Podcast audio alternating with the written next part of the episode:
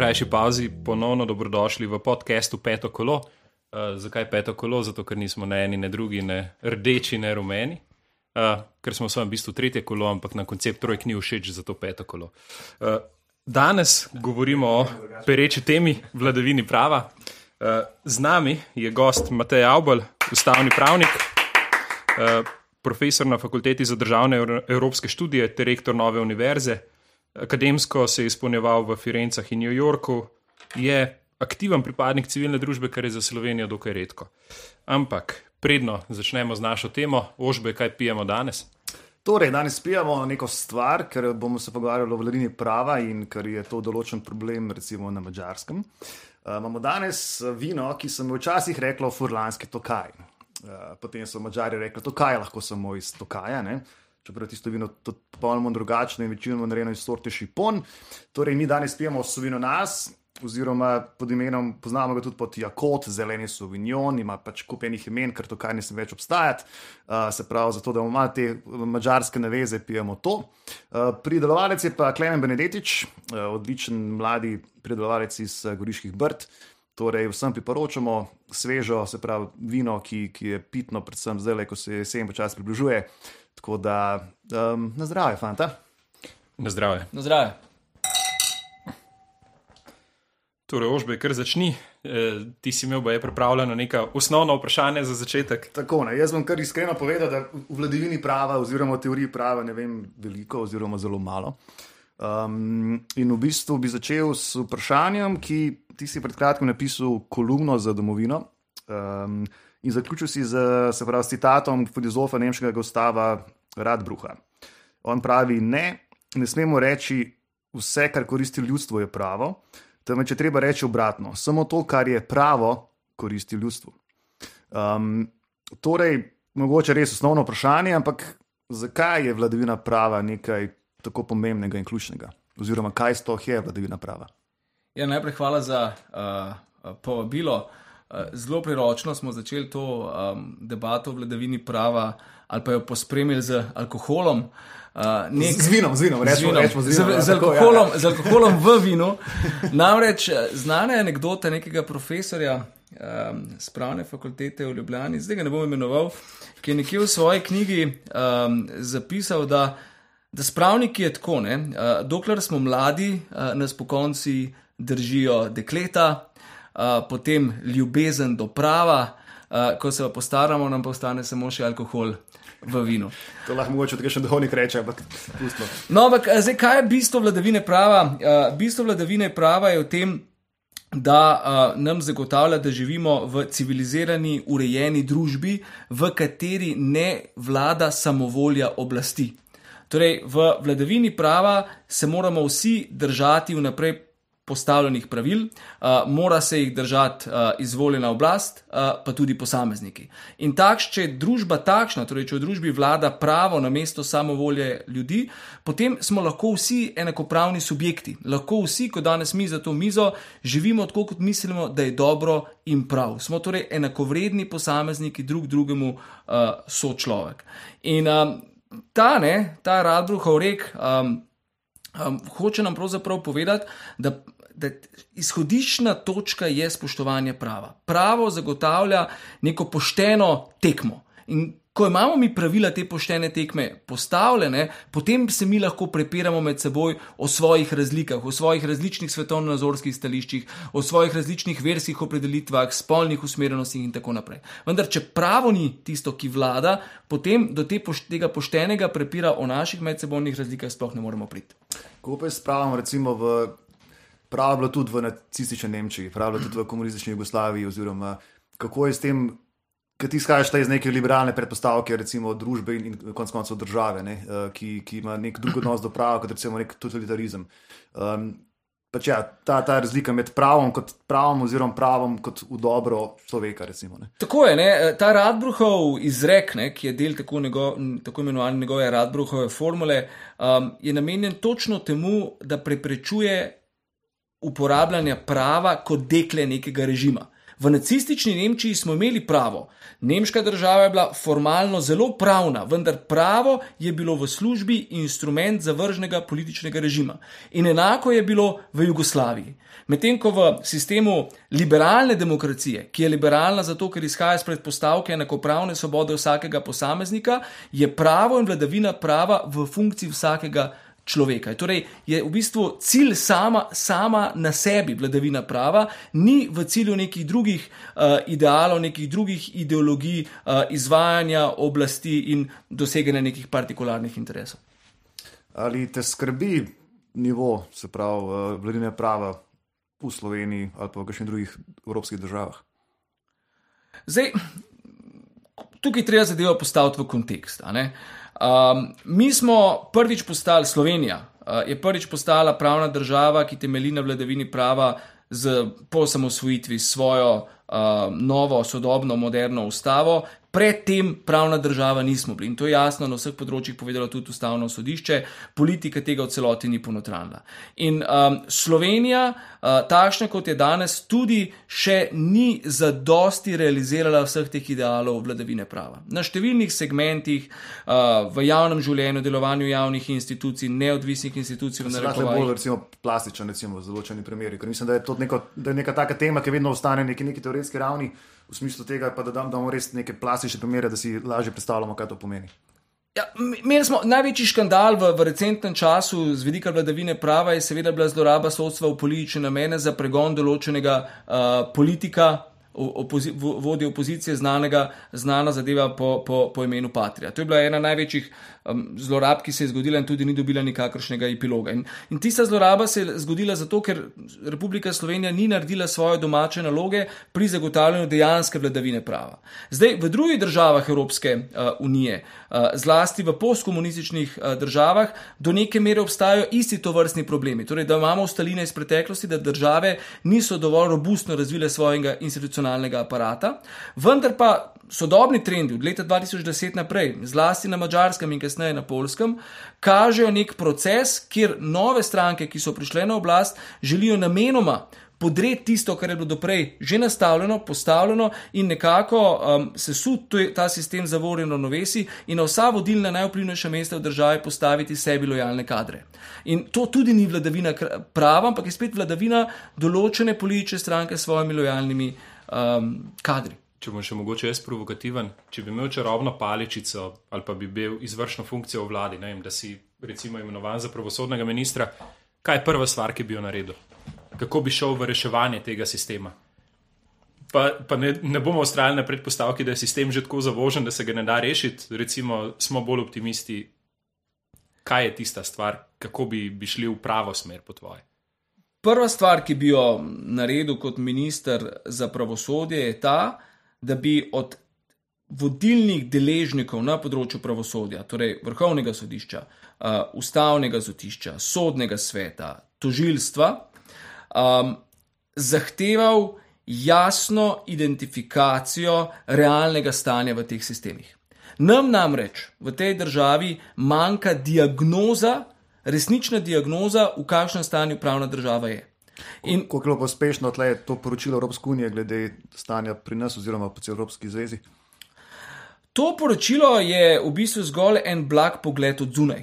Uh, kot da bi se nekdo peljal po avtocesti čez Republiko Slovenijo uh, in na panojih uh, opazoval, kaj se v tej državi dogaja. Torej, to poročilo lahko zgolj popraska po stanju vladavine prava v Republiki Sloveniji.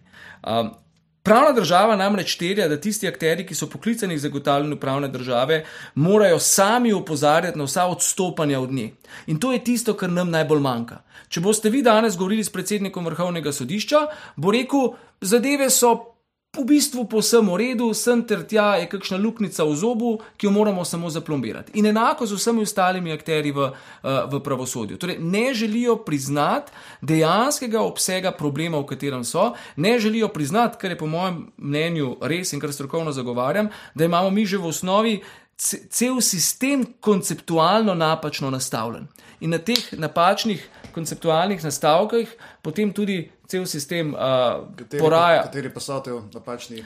Prvi, če, če se koncentriramo na sodstvo, ne, naše sodstvo ni zamišljeno kot sistem, ki bi, bi bil zgrajen iz množice dejansko neodvisnih sodnikov, kot vrhunskih pravnih strokovnjakov.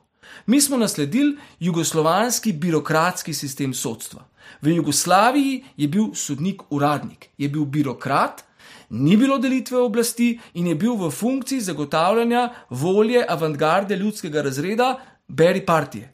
In ta sistem se je ohranil, čeprav ni več partije, čeprav ni več Franske strmole, ki je bila do leta 1993, ampak ta mentaliteta znotraj sodstva, način delovanja, ta kolektivizem, uh, ta inercija, noter še vedno obstaja. In to vam povedo in tudi napišejo, tudi dan danes že marsikateri vplivni sodniki, ampak so velika manjšina, tiha večina, tiha manjšina, ki ne more prodreti skozi membrano uh, tega še naprej birokratskega kolektiviziranega sodstva. Kaj je bila rešitev, ustanovitev sodnega sveta, karkoli takega? To že je.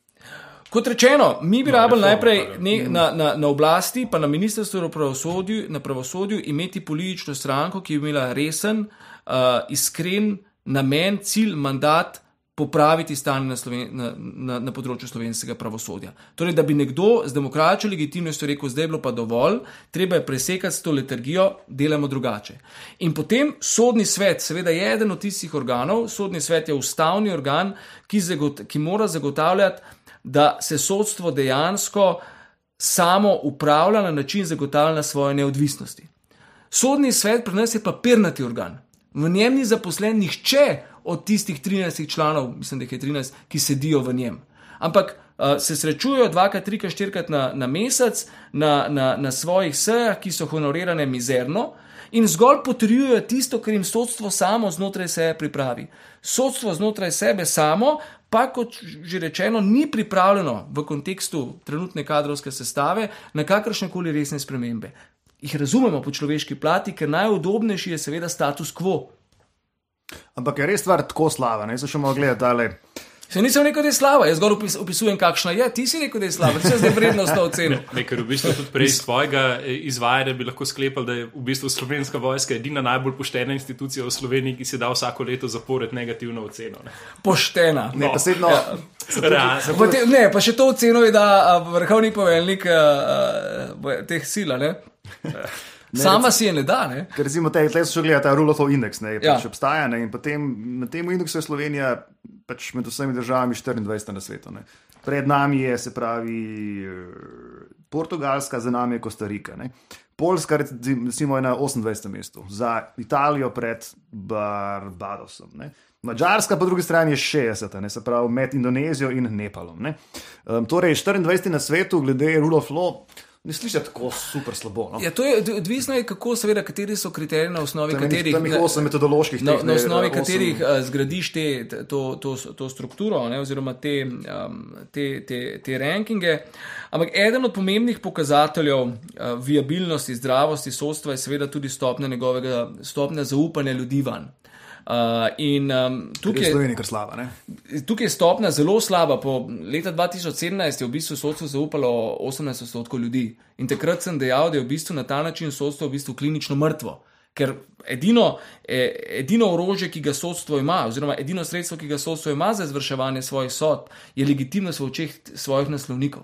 In tega ni imelo. In zdaj, zdaj pa vprašanje, kako pa se je potem sodstvo lotilo reševanja problema nizkega, nizke stopne zaupanja same, va, same vase z krepitvijo PR služb. Ampak jaz mislim, da je to, to je fake approach. Ne? Uh, ker, Zakaj pa misliš, da, so, da je to nizko zaupanje? Zakaj v bistvu? Jaz mislim zaradi, zaradi uh, izkušnje konkretnega uh, človeka, uh, konkretnih uporabnikov sodstva, Uh, ker, gledajte, um, zadeve na prvi stopni zelo dolgo trajajo, za povprečnega državljana je mo mogoče po finančni plati sodstva tudi zelo, uh, zelo težko dostopno. In tisto, kar je do obisti v bistvu omajalo um, zaupanje slovenskih državljanov v sodstvo, je, so vsa, vsa, vsta pregon oziroma oklepaju ne pregon tranzicijskega kriminala, in potem tiste odmevne politične zadeve, zlorabe, škandali uh, v zvezi s patrijo uh, in, in podobno. Jaz mislim, da je to tisto, kar potem na ljudeh, na državljanih pušča jasen, uh, jasen in v njih pušča jasen negativen prizvok. Ne, pa se je dokaj logično. Glej, ene ljudi hakljajo za 125 evrov, jih fur zahakljajo in gre prodati hišo. Ne? Jankovič umirno odnese s 30 milijoni. Ne? Pa kakorkoli to obrnemo. Se tukaj verjetno izvira ta občutek uh, neke nepravičnosti. Uh, dejansko, ja, jaz se strinjam, v Sloveniji je mogoče problem te, tega koncepta enakopravnosti. Uh, so pravila, ki jih imamo postavljena, ki so, ne vem, za slovensko ustavo pravijo, da je zelo dobro napisana, da je ena celo med boljšimi v Evropi. Ne? Ampak kaj, ko se noben ne drži na koncu teh pravil? Ne?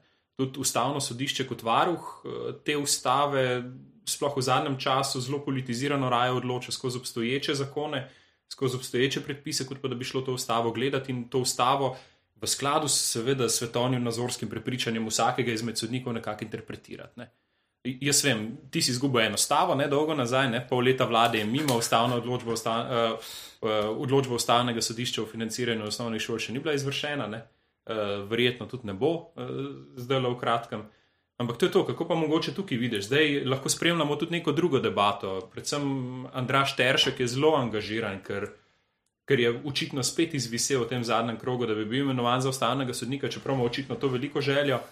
Um, ampak v eni drugi kolumni si zapisal, če se ne motim, si postavil uh, voz pred konjem in v bistvu govoril, da je, da je največji problem našega ustavnega sodišča, ki bi ravno to ustavo moglo varovati in to je enakopravnost, je to, da je rezultatsko odločanje. To, da se sodniki v praksi zmenijo med sabo, rečejo, da rezultat bo tak, pa bomo pa napisali, da bo rezultat tak na koncu. No, v bistvu sem zgolj povzel tisto, kar zdaj izhaja iz pritrdilnih in uh, odklonilnih mnen na, na, na ustavnem sodišču. Ker zdaj se ustavni sodniki različnega svetovnega nazora, ki jih javnost ali pa politika označuje za leve ali pa za desne, med seboj pač zmerjajo, da rezultatsko odločajo. S tem je začel uh, kolega Jaklič, nadaljuje kolega Čeferin v tej konkretni zadevi. In stvar pri rezultatskem odločanju ni v tem, da se vnaprej zmenijo, da se, da se med seboj zmenijo, kaj bodo storili, ampak problem rezultatskega odločanja je v tem, da ti kot pravnik ali pa kot sodnik, ko pristopiš k neki zadevi, jo najprej pogledaš ne iz strokovnega pravnega vidika, ampak k njej pristopiš vrednostno, da ne rečem politično, z vidika svojega, torej vrednostnega političnega jaz. In jaz to opažam ne samo pri, pri ustavnih sodnikih, ampak tudi pri svojih kolegih ustavnih pravnikih. Najprej na zadevo pogledajo, aj meni to politično in pa vrednostno všeč, šele potem pa se vprašajo, kaj pravo od mene uh, zahteva. In kje, kaj je zdaj tu problem? Tu je problem manjko strokovnosti in manjko profesionalne integritete. In jaz mislim, da sta to največ, dve največji rak rani slovenskega sodstva, pa tudi na, na ustavnem sodišču. Uh, mi smo imeli, pred, pred, mislim, da je to leta 2018, čas hitro teče, svoj vrsten škandal, ko je vrhovno sodišče na svojih spletni strani objavilo, da ne bo sledilo eni sodbi Evropskega sodišča za človekove pravice, ker jih ne prepriča. To je bil takšen strokovni flop, ne, da je odmeval po celotni, uh, uh, po celotni Evropi. In potem je problem še političnost. Samo še to, to je pa treba ja. povedati. Glede, mi imamo uh, nek ferker, nevreten, nenavaden ferker med vrhovnim sodiščem in, uh, in ministrstvom za pravosodje. Ne. Državna sekretarka, ki je bila politična državna sekretarka na Ministrstvu za pravosodje, je tja prišla z vrhovnega sodišča in se je potem spet vrnila kot neodvisna strokovnjakinja na vrhovno sodišče. In obratno, nek drug neodvisen strokovnjak se je iz vrhovnega sodišča preselil na Ministrstvo za pravosodje kot državni sekretar v kvoti uh, socialnih demokratov in se po koncu mandata spet vrnil na vrhovno sodišče. Če bi to počeli Poljaki in Mačari, bi bila cela Evropa v luftu, da imamo politizacijo sodstva ker bi ministrstvo za pravosodje kadrovalo na vrhovno sodišče, Pri nas pa vrhovno sodišče v bistvu kadruje očitno politične kadre na ministrstvu za pravosodje, če nekoliko karikiram. No, no, ampak se to je očitno širši problem. Lahko spremljamo prehode novinarjev iz novinarskega poklica v politiko in nazaj, gospodarstvenikov iz politiko in nazaj. In... To ni jaz ne bi tega, da v isti koš. Mislim, da so dve različni stvari. Ne? Ti kot novinar, kot državljan, imaš pravico to politiko, noben tega ne sme preprečiti.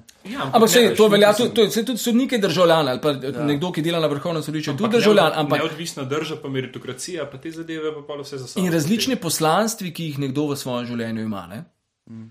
Ok, zdaj presekamo. Um, če za klasičen segment to niso sponzorji, ožbe, kdo danes naši sponzorji niso. Torej, danes naši sponzorji niso. Skozi je me mlajši isto. Vse to, ne, kar je težko preberem, kar sem napisal. Ja, da. uh, preselil sem se v Monako, da lažje treniramo v Franciji, primaš rogliče SP.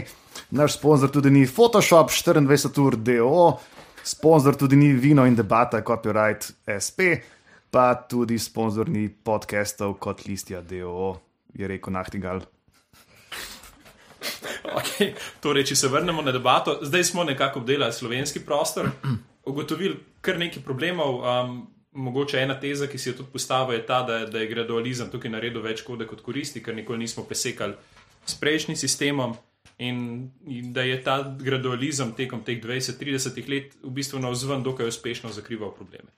Um, zdaj pa mogoče, ker je glih aktualno, dobro, se lahko bi, naštev, lahko bi šli na Terška, lahko bi šli na Hojsa, lahko bi šli na vse te zadeve, ampak vsem bi pa rad govoril malo polski, pa mačarski. Tudi tud pisal si dosta o tem, verjetno si eden redkih kritikov, ki, ki slepo ne verjame v dobrobit oziroma v dobre, dobre namene polske in mačarske v Sloveniji sploh mogoče. Zihar je edini v Sloveniji.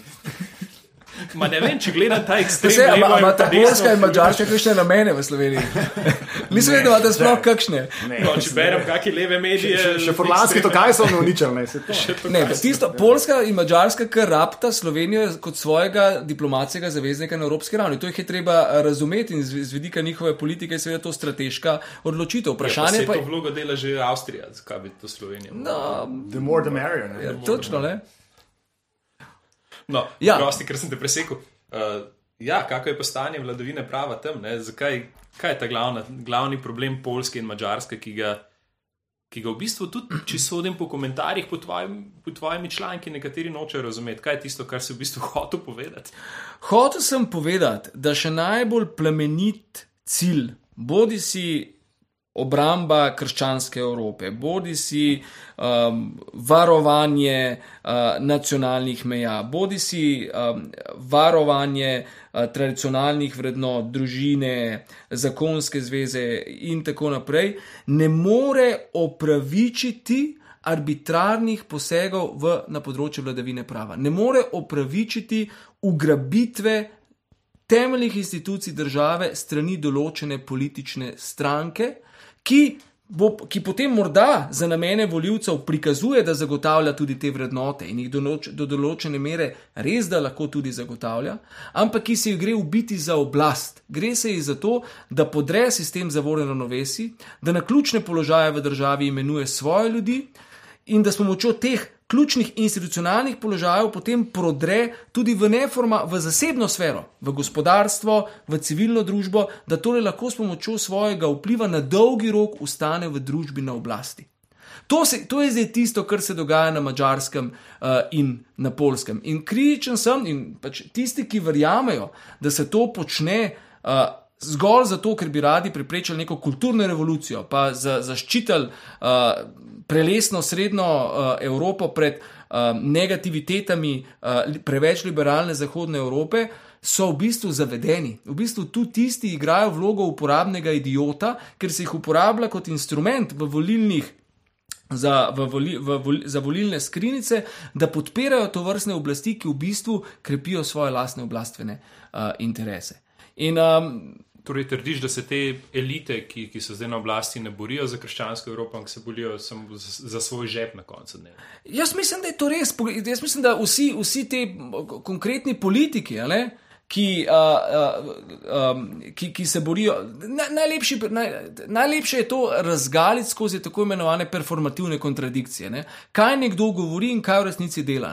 Imeli ste enega prelesnega mačarskega, ne vem, kjer ga ministra že vplivnega politika Fideza, ki se v javnosti predstavlja kot družinski človek, mislim, da je bil to župan mesta Gjer, ki so ga potem zalotili na Jadranu na razupiti jahti z cel kup uh, uh, prelesnimi mladenkami. Ne? Da, hočem povedati, oblast. Mačarski bunga bunga.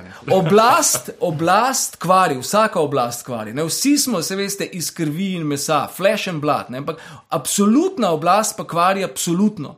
In to, kar počne Orbanov režim. To je že Lord Acton, ne? Tako. In, uh, in to, kar počne pač Orbanov režim na mačarskem, je to, da si hoče pač podrediti vse sisteme in podsisteme države. Ne? In na polskem želijo storiti. Uh, podobno, s tem, da mi ne smemo kot slovenci gledati na uh, mačarsko in polsko situacijo izključno slovenske perspektive, ne? ker na češ preganjajo komuniste. Na polskem ne preganjajo komunistov, ker jih ni, ker so jih pregnali že v začetku deve- v 90-ih let. Te dve državi ste naredili močan prelom, diskontinuiteto s prejšnjim režimom, za razliko od nas. Torej smo mi slabši od vseh. To je, moja, to, je, mo- to je moja teza, ki je zelo provokativna, ampak jaz vanjo verjamem. Zakaj smo slabši od vseh? Zato, ker to, kar počnejo Orban, Kačinski in podobni zdaj na formalni ravni, sega samo na formalno institucionalno raven. Ne morejo pa prodreti v zasebni sektor, ker je tam gospodarstvo zasebno, ker tiste države so bile sprivatizirane. Pri nas pa, nismo, pa so institucije v bistvu bolj ali manj ostale napolnjene z istimi ljudmi in gospodarstvo ni bilo dolga leta neprivatizirano in je država bila, kot je rekel Jambrek, največji kapitalist. In država je tja kadrirala svoje ljudi. In te svoje ljudi so bili 20 let pravično, ena je nista uh, politična elita, ena je nista politična, politična stranka, ki v bistvu, kot bi rekel moj kolega Bugarič, ki je emigriral iz Slovenije, ne, pa je bil včasih na, na, na, strani socialne demokracije, obvladujejo vse, od Rdečega križa, Olimpijskega komiteja Slovenije. Um, Sviza uh, in tako dalje, in tako dalje, in še naprej, da ne naštejem. To so na nek način mokre sanje nekega Orbana. Orban še zdaleč ni tam, kjer smo mi v tem dejanskem sociološkem smislu že zdavne. Ne? Čeprav, recimo, ne, če, mislim, recimo, ne, če beremo Tonija Džada, ne glede. Um, leta 50 je bilo na Bavarskem, ne, ki je spadal pod, govorim, pač ja, se pravi, nemška cona. Ja, ne, uh, ja. Se pravi, um, uh -huh. je, je bilo. Je spadala pod Ameriko, ne, uh, mislim pod Ameriko, ne, Amerika je pač nadzirala Bavarsko.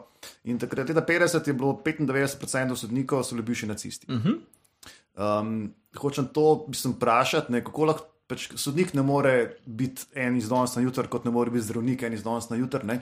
Kako lahko recimo pravosodju čez noč zamenjaš vse sodnike in pač, uh, mislim, tega seveda ne moš narediti, očitno. Ne? Ja, to, lahko, naredi, to so naredili v vzhodni Nemčiji, ne, kjer so vozili celotno zahodno nemško elito ne, in so čez noč v bistvu Ja, ugasnili to, to, luč. to je malo drugače. v tem Ja, smislu, absolutno, pač, ja. Tako da mi tega, te možnosti nismo imeli, tudi Ja, verjetno pa niti, Dubaj je niti, to naredil, ne? za vse ne, ne. trgovinske zadeve je v bistvu nastavil angliške zdravnike, a, angliške sodnike, pardon, in v bistvu vse trgovinske statistika, spore. v Sloveniji je to, pač. jaz v tej svoji kolumni, ne, ki si rekel, da se kritizira, ne, v Sloveniji je še poseben problem naša majhnost. Mi smo imeli do leta, ne vem, do sredi 90-ih let eno samo pravno fakulteto. To pomeni, da se je 50 leti pravna elita gnetla na, iz enega samega monopolnega vera. Pravi, in zato je v Sloveniji bilo tudi možno govoriti, da je pravo objektivno. Seveda je bilo pravo objektivno, ker je bilo pravo tisto, kar so se zmenili ljudje na katedrah te, te fakultete, ki so potem tudi kadrirali svoje ljudi na v sodstvo, v, na sodne svete, na ministrstvo za pravosodje in tako naprej. Ne? In tu spet govorim o tem, da ker ključ, če hočete ved, mi, vi imeti um, resnično demokracijo in vladavino prava, rabite imeti v družbi pluralizem. Za pluralizem pa morate imeti najprej različne centre moči v družbi. Ne? In tega mi nismo imeli. Mi nimamo, za razliko od Poljakov, nimamo uh, veliko velikih mest, nimamo veliko vplivnih univerz. Naša elita uh, je, je bila leta in leta gnetena, kot sem že rekel, iz enih samih centrov. Ne? Sam kako pa pol obrazložiš, recimo, sestave ustavnega sodišča, vsaj začetka 90-ih ali pa 2000-ih, so obče pripoznane kot mnogo boljše kot uh, sedanja sestava, ne? ker vendarle imamo več konkurence, več tega, pa je, pa je bilo prej bolj normalno, če lahko temu tako rečem. Ja, eh, prva sestava ustavnega sodišča je bila pač v tem smislu revolucionarna. ne. Uh, tista, ja, ampak še vedno so bili to ljudje, ki so prišli iz, iz, enega, iz enega in istega vira. Hmm. Med njimi je bila pa schizma v tem, ali ste za resno diskon- diskontinuiteto s prejšnjim sistemom ali ne. ne? Uh, zdaj, to, kar imamo zdaj v, v, v, v aktualnem času na ustavnem sodišču, je pa generacijski problem. Ne? Zelo pre, preveč mladih sodnikov, um, tudi zelo plitek nabor uh, strokovnjakov, ustavno-pravnih v bistvu imamo. To je spet en manjko. Ne? Pa je, pa je sploh možno v državi, kot je Slovenija, z dvima milijonoma prebivalcev ustvariti dovolj veliko kritično maso, da, da bi te stvari normalno popolnili. Jo je težko, ampak če bi bil sistem stimulativen v tem smislu, ne? da bi nagrajeval ljudi uh, po meritokratski plati, sem jaz pripričan, da je bilo, da je bilo tudi to mogoče. Ampak jaz mislim, da sistem deluje, kar je razumljivo, ne? točno v nasprotni smeri. Ne? Sistem se brani na avtopoetičen način, da bi čim bolj se ohranil takšen, kakršen je. Jaz mislim, da je največja, največja, največji problem slovenske države takšna, kot je, je ta tiranija statusa quo. Zelo težko je delati spremembe, tudi zato, ker sistem takšen, kot je, na nek način veliki večini ustreza. Sem to je na, pač na marsikšnem podsistemu družbe. Ne. Veš, zdravstvo ja. nima ene reforme. Ne, Ne, samo- Šarec pade v eno sekundo, ko se začne debatirati recimo, o, o, o pač, Zdravstvenem zdravstvenem pač, zavarovanju. Ampak vse, jaz mislim, da tvoja narativa glede tega je pač ja, tak 30 let, kao dediščina unga. Ne, ampak vse pač te sodniki, ki so danes gor rasli, se niso to zdaj pač v tem smislu, da so pa to nekaj, razumeš, z rdečo kart, mislim, z rdečo knjižico prišli in to pač 30 let je vmes menilo. Ne. In kljub temu, da je tam rekel neke vrste gradualizem, uh, temu bolje Greškovič, ki definirate razvoj v srednji vzhodni Evropi, ne ločite pač ta neoliberal approach za baske države, embedded neoliberal approach za, za mleko više grajce in potem Slovenija kot nek totalen trend, mislim, drugačen je v bistvu ta neo pač korporativistični koncept, ne? kar pomeni, da smo mi imeli zelo, kar ti praviš, ne? ni bilo veliko privatizacije, ni bilo veliko sprememb, uh, stvar je še nekako v nekem status quo naprej in so bili v veliki meri tudi hvaljeni doskrat iz, marsikšnih krogov. ne. Ampak Do- ta do- zahod do- je, tu, je tudi hvalil, zelo hvalil naš samoupravni socializem kot tretja pot. Ne? Ja. Od zunaj, ker niso tukaj živeli. Ne? Tisto, lej, kje, kje je problem? Ker jaz mislim, da um, akutni problem slovenskega sodstva, pač 30 let kasneje, ne, je ta, da so na vrhuncu svoje kariere ljudje na vrhovnem sodišču, ki so se najbolj gnetli pravno v prejšnjem sistemu. Jaz ne rečem, da gre tukaj zdaj za, za rdečo knjižico ali pa rdečo kri ali pa ne vem kakšen gen. Jaz tudi ne rečem, da tukaj zdaj ideologija igra uh, uh, glavno vlogo. Jaz tudi ne trdim, da je rešitev slovenskega sodstva lustracija, ne? ampak jaz trdim, da je treba pripoznati, da imamo mi tukaj objektivni problem. In mislim, da v enostavno znotraj samega sodstva, znotraj samih institucionalnih akterjev, ni pripravljenosti na to, da bi pripoznali, da bi si postavili diagnozo, da imamo mi kakšen problem. Ne? In delamo zdaj na tem, da lišpamo svojo fasado, čeprav je hiša noter na tak ali pa drugačen način precej gnila. In zato bomo ta problem še perpetuirali še naprej v, v prihodnje. Pa je, uh, misliš, da nova vlada, ki pe, pač, uh, da ima tle neke druge poglede, ali oziroma drugačen mindset, ali pa neko voljo po reformi? Um, pač, ja, kako vidiš novo vlado v odnosu do pravosodja? Ne? Ker kritik na ta račun bo dosti, ne vem, od Hojsa do še koga drugega. Jaz Ampak, sem, sorry, ministrica je od CMC-ja, Kozlovič, ki, ki praktično je tudi nevidna zdaj v tej obstoječi vladni konstelaciji.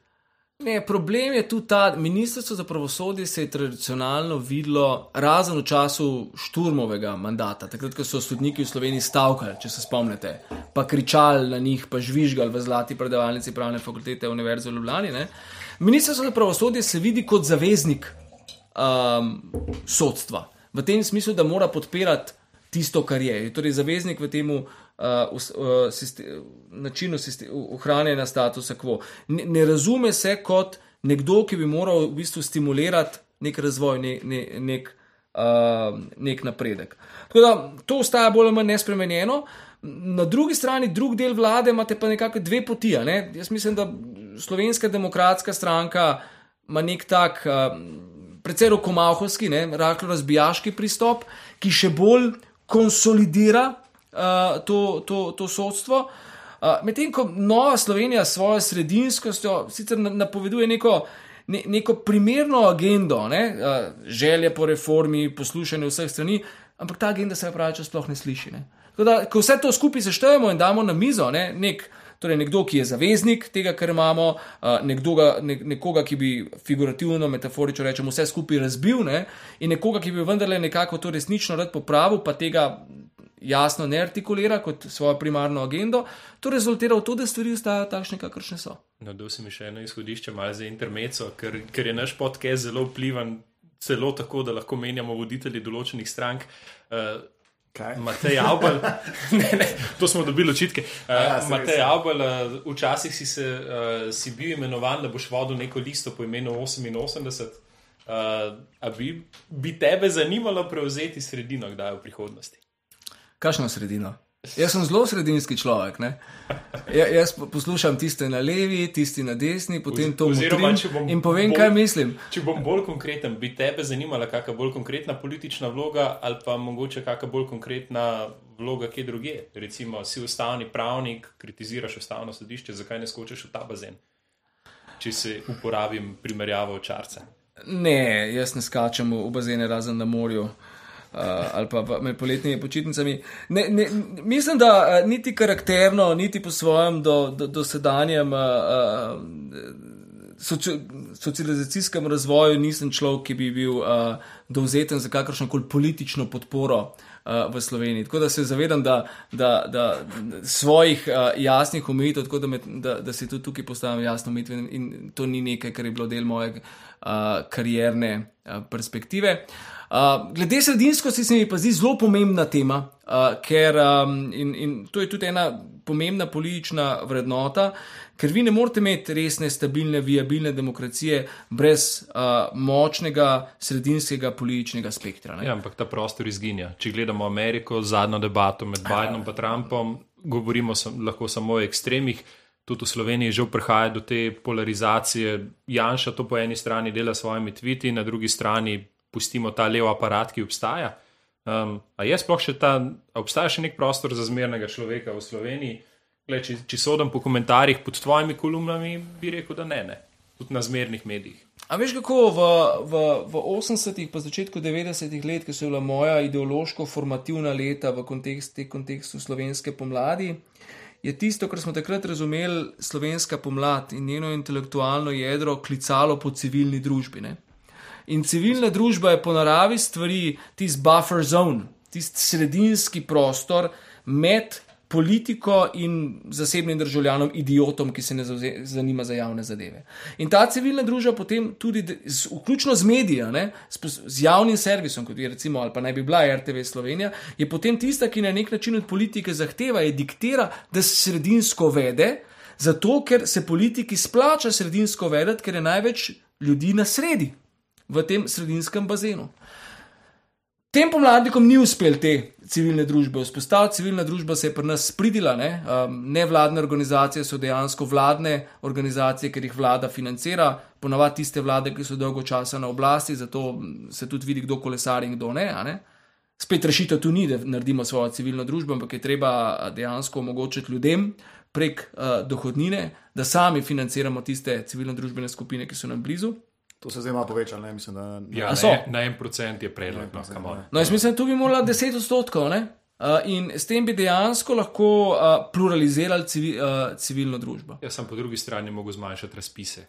Ja, sej, zakaj bi, jaz večkrat vprašam svoje študente, zakaj vi zaupate državi, da deli vaš uh, davkoplačevalski denar prek razno raznih politično montiranih pro, um, razpisov svojim političnim zaveznikom. Ne?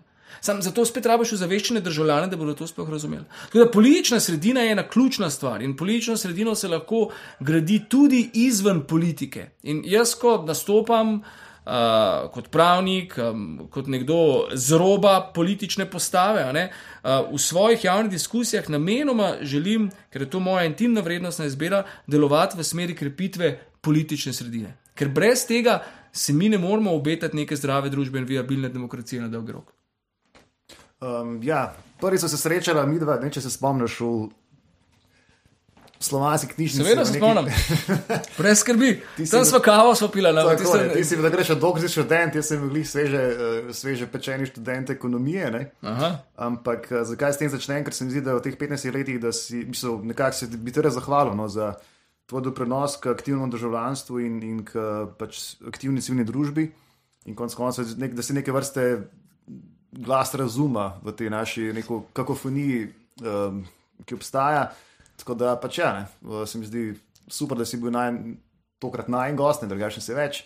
Uh, in um, pač ja. No, uspešno naprej. Če bi se v svoji klasični maniri, če prevzameš kako sredinsko stranko, zopet ponudil za podpredsednika. Ampak, čakaj, teren pravi, da je cilj kralj kandidat. Na teren ja, pravi, okay, da je pardon, kralj pardon. kandidat. Sorry, torej, na tej točki končamo današnji podcast. Matej Abel, še enkrat hvala um, in pa uspešno delovanje še naprej. Predvsem pa razumno. Preživeli. Živeli.